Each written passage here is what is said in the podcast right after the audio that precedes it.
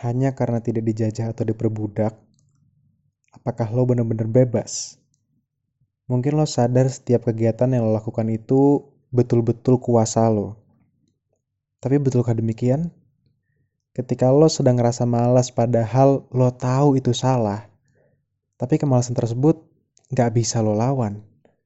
Bukankah itu di luar kuasa lo?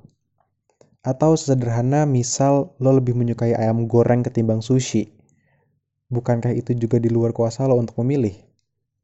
Jika semua terkesan sudah ada yang mengatur dan kita hanya mengikuti, lalu apa itu artinya kebebasan?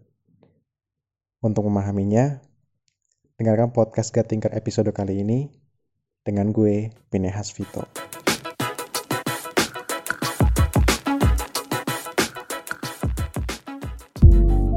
Halo pendengar podcast Gatinker di episode sebelumnya kita udah banyak ngobrol soal ekspektasi gitu. Dan salah satu hal yang bisa kita pahamin tuh makin seiring berjalannya waktu kita makin bisa ngontrol ekspektasi kita gitu loh. Kita makin mudah untuk ngontrolnya. Uh, dan salah satu tuh mungkin karena kita udah makin paham bagaimana caranya kita menyikapi ekspektasi kita gitu kan. Dan tentunya beda orang cara menyikapinya pun beda-beda gitu kan dan juga uh, secara umum ada orang-orang yang memilih untuk hidup penuh ekspektasi dengan segala risiko yang ada. Ada juga orang yang memilih untuk hidup as expectation gitu loh. Uh, jadinya realita apa pun yang akan dia dapetin ya dia bisa santai aja gitu kan Nah, cuman meskipun uh, dengan segala kemampuan kita yang udah mampu menyikapi ekspektasi kita gitu kan, tetap kita tuh nggak bisa uh, ngontrol yang namanya ekspektasi awal gitu kan. Nah, di episode kali ini tuh kita pengen uh, sedikit mulas uh, sebenarnya kita tuh bisa nggak sih uh, jadi decision maker di apa ya di pilihan-pilihan kita gitu loh karena kan kita nggak bisa gitu kayak ngontrol sesuatu yang tiba-tiba pop up di pikiran kita gitu kan. Contoh misalnya begini lo uh, malam ini lagi pengen makan ayam gitu misalnya. Kayak lo pernah kepikiran nggak sih kenapa gue pengen makan ayam ya? Mungkin ada yang jawab kayak ya mungkin karena ayam itu enak gitu kan. Cuman kan banyak juga makanan-makanan enak lainnya gitu kan. Atau mungkin ada juga yang bilang oke okay, ayam emang enak dan banyak juga makanan enak lainnya tapi gue udah lama nggak makan ayam ya tapi banyak juga makanan enak lainnya yang udah lama nggak lo makan gitu kan. Terus kenapa tiba-tiba lo kepikirannya ayam gitu kan? Atau mungkin kayak lo bisa nggak uh, untuk ngubah gitu? Misalnya lo lagi pengen makan ayam tapi lo pengen merintahin diri lo untuk milih makannya ketoprak aja gitu misalnya. Ya mungkin bisa cuman kayaknya nggak akan sepuas uh, ketika lo makan ayam gitu lo. Nggak akan sepuas ketika lo uh, makan makanan yang sesuai dengan keinginan lo gitu kan. Nah dari sini apakah uh, makanan yang jadi pilihan itu lo itu itu betul-betul da dari keinginan lo? Atau itu kayak muncul dari suara random yang merintahin lo untuk lo tuh pengen untuk makan ayam tersebut gitu loh? Atau lo pengen untuk dapetin apa? Atau lo pengen dapet eh atau lo pengen melakukan sesuatu apa gitu loh kalau jawabannya ini tuh purely keinginan kita ya gimana dengan kasus ayam dan ketoprak tadi gitu kan. Cuma kalau misalnya jawabannya uh, ini adalah hasil dari ada suara yang memerintahkan mungkin penjelasannya bisa begini. Seiring bertambahnya pengalaman kita kan informasi yang masuk ke otak kita tuh makin banyak gitu kan. Dan informasi itu yang jadi bahan untuk otak kita merintahin kita gitu. Misalnya kayak uh, lo baru pertama kali makan sushi nih terus ternyata dengan lo makan sushi itu ngeluarin reaksi kimia yang reaksi kimia di otak lo yang bikin lo seneng gitu loh. Mungkin penjelasan lebih lanjutnya soal khusus ini tuh ada di episode sebelumnya yang episode uh, insentif. Yang ketika kita seneng maka artinya itu ada reaksi di otak kita yang ngeluarin hormon serotonin dan dopamin gitu kan lanjut ke sini.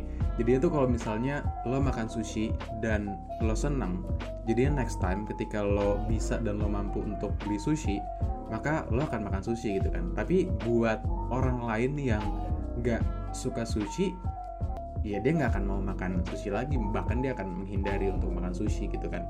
Tapi kenapa satu makanan yang sama itu bisa dinilai enak dan tidak enak oleh satu spesies yang sama gitu sama-sama manusia tapi kenapa ada yang suka sushi dan ada yang nggak suka sushi gitu kan? Ya jawabannya sederhana karena reaksi yang ditimbulin sama otak kedua orang tersebut tuh beda gitu kan. Satu ngeluarin reaksi yang bikin dia seneng. Satu sebaliknya gitu kan yang bikin dia nggak seneng. Dan tentunya reaksi yang dikeluarkan otak itu tuh bukan kita yang nentuin gitu kan Nah, kalau misalnya kayak gini berarti apakah benar kalau misalnya artinya tuh kita hanya sebuah tubuh yang memenuhi perintah otak tanpa adanya kemampuan untuk memilih gitu. Gue ada ada pertanyaan yang mungkin bisa jadi bahan pikiran lo. uh, pertanyaannya gini, uh, apakah lo itu adalah badan dengan pikiran atau lo itu adalah pikiran dengan badan gitu. Coba mungkin lo pikirin dulu lah beberapa detik gitu kan. Uh, cuman mungkin jawabannya kalau misalnya uh, lo tuh ngerasa manusia itu merupakan sebuah tubuh yang hanya memiliki pikiran dan emosi berdasarkan hasil reaksi kimia di otak maka lo itu adalah badan dengan pikiran gitu sedangkan kalau misalnya uh, lo itu merupakan ah sorry uh, manusia itu adalah hal non fisikal yang menggerakkan badan terus nggak uh, bergantung sama tubuh gitu ya artinya lo itu adalah pikiran dengan badan gitu. Gue ya agak-agak puyeng kayaknya ya. Cuman lo kepikiran gak sih kenapa gue harus mikirin itu ya Terus gimana dengan konsep free will dong cuy? Kayak sebebas apa sih kita jadi manusia gitu loh? Kan consciousness atau kesadaran itu kan tercipta dari reaksi kimia di otak kan dan pengalaman tuh berperan dalam proses pengolahan datanya gitu di dalam otak kita. Dan eh, nggak ada yang tahu tuh kapan reaksi kimia di otak itu tuh memberikan perasaan tertentu kita gitu kayak perasaan sakit, perasaan marah, perasaan cinta gitu kan.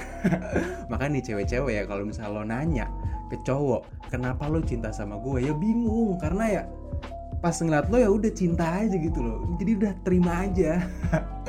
Anyway jadi itu kayak kita nggak tahu kan kapan reaksi kimia di otak tuh memberikan perasaan tertentu gitu. Kayak misalnya lo lagi dengar musik hip hop tiba-tiba suka aja gitu kan. Dan ada orang yang nggak suka. Dan bukan lo yang memutuskan untuk suka atau nggak suka sama musik hip hop itu gitu kan. Ini juga termasuk kayak preferensi-preferensi lainnya gitu kayak misalnya ada yang suka otomotif ada yang suka elektronik ada yang suka baca buku ada yang suka olahraga dan lain-lain gitulah. Nah dengan begitu apakah artinya kita tuh nggak memiliki kebebasan gitu mungkin ada yang berpikiran tapi gue sadar kok terhadap apa yang gue suka dan gue bisa bertindak sesuai yang gue suka gitu. Gue sadar gitu kan. Tapi mungkin kita tuh hanya bebas sebatas untuk berhak melakukan yang kita suka gitu loh. Tapi kita nggak bisa menentukan apa yang mau kita sukai gitu kan. Dan uh, ini tuh kebukti. Jadi ada sebuah eksperimen di mana uh, seseorang tuh diletakkan di dalam scan otak sambil memegang tombol di kedua tangannya gitu. Terus orang ini tuh diminta untuk menekan tombol mana pun yang mereka suka, entah itu tombol kanan atau tombol kiri gitu kan. Nah, luar biasanya nih cuy, ada aktivitas saraf di otak yang bisa memprediksi tombol mana yang akan orang itu tekan gitu loh.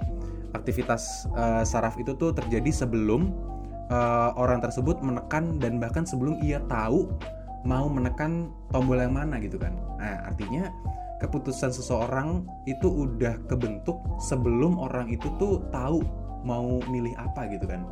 Terus siapa yang ngebentuk ya?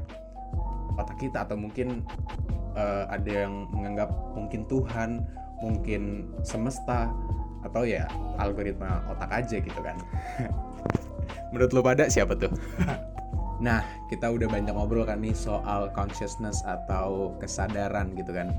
Terus apa sih pentingnya kita tahu hal-hal ini gitu loh? Apa pentingnya kita paham hal, -hal ini gitu?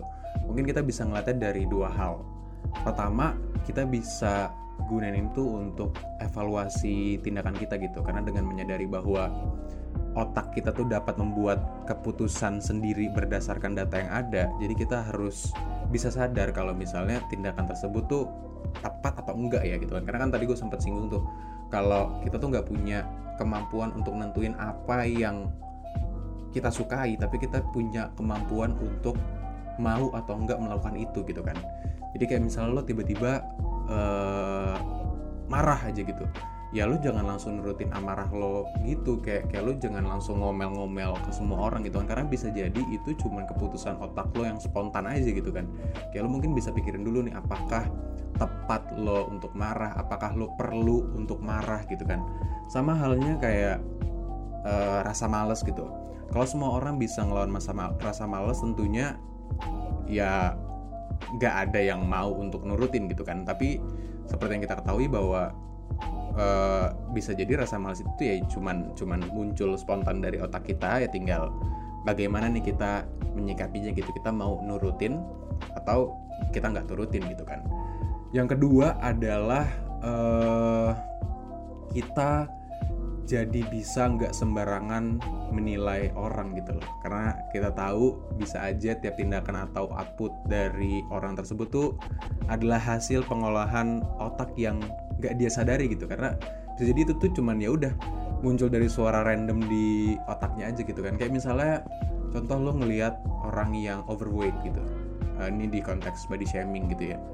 Uh, orang dengan berat badan berlebih itu kan sering terkesan lebih buruk dengan orang yang berat badannya ideal gitu kan. Kenapa? Karena orang dengan berat badan berlebih itu terkesan nggak bisa nahan nafsu makannya gitu terus juga dia malas gerak dan lain-lainnya gitu kan.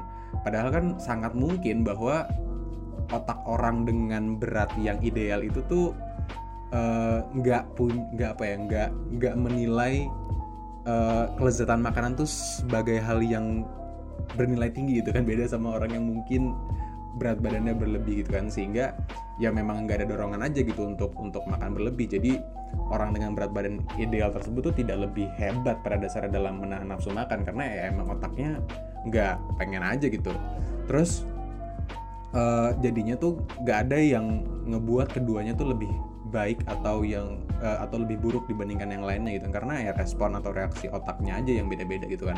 Terus kalau misalnya uh, dari faktor kesehatan gitu kan. Kayak misalnya oh oke okay, mungkin orang yang overweight kesehatannya lebih buruk dibandingkan yang enggak gitu. Tapi kalau orang yang kurus pun juga belum tentu lebih sehat dibandingkan orang yang overweight gitu kan. Kayak kita tahu banyak atlet-atlet yang overweight kayak misalnya atlet sumo gitu yang mereka sehat gitu kan dibandingkan orang-orang yang kurus gitu kan. Nah uh, kita kan nggak bisa nih uh, menghindari uh, apa namanya kinerja otak kita yang mengeluarkan reaksi kimia yang membuat kita tuh menginginkan atau melakukan suatu hal gitu kan. Tapi kita harus menyadari bahwa reaksi tersebut tuh akan muncul berdasarkan data yang tercipta oleh pengalaman gitu kan. Makanya uh, mungkin agar lo bisa agar otak lo tuh bisa mengeluarkan reaksi-reaksi yang ya yang lo anggap positif gitu ya maka lo carilah pengalaman-pengalaman yang baik masuk lingkungan yang baik pelajari hal-hal baik gitu kan kenalan sama orang-orang yang bisa kasih uh, energi positif ke diri lo sehingga informasi-informasi data-data yang masuk ke dalam otak lo tuh ya data-data yang positif gitu kan. Jadi apa pun proses pengolahannya ya outputnya pun mungkin akan jadi sesuai dengan yang lo anggap baik gitu kan ya gitulah. Kurang lebih episode podcast Gatingkar kali ini. Mudah-mudahan uh, lo dapet input baru dari dengerin podcast ini. Dan kalau misalnya lo ada uh, mau kasih feedback seperti biasa bisa langsung aja lo uh, DM ke Instagramnya @bits.co. Terus juga kalau misalnya lo pengen ngobrol langsung sama gue, bisa banget langsung follow aja Instagram gue di @pinehasvito dan lo juga bisa langsung DM gue aja cuy. Thank you banget cuy udah dengerin podcast Gatinker episode kali ini and see you in the next episode.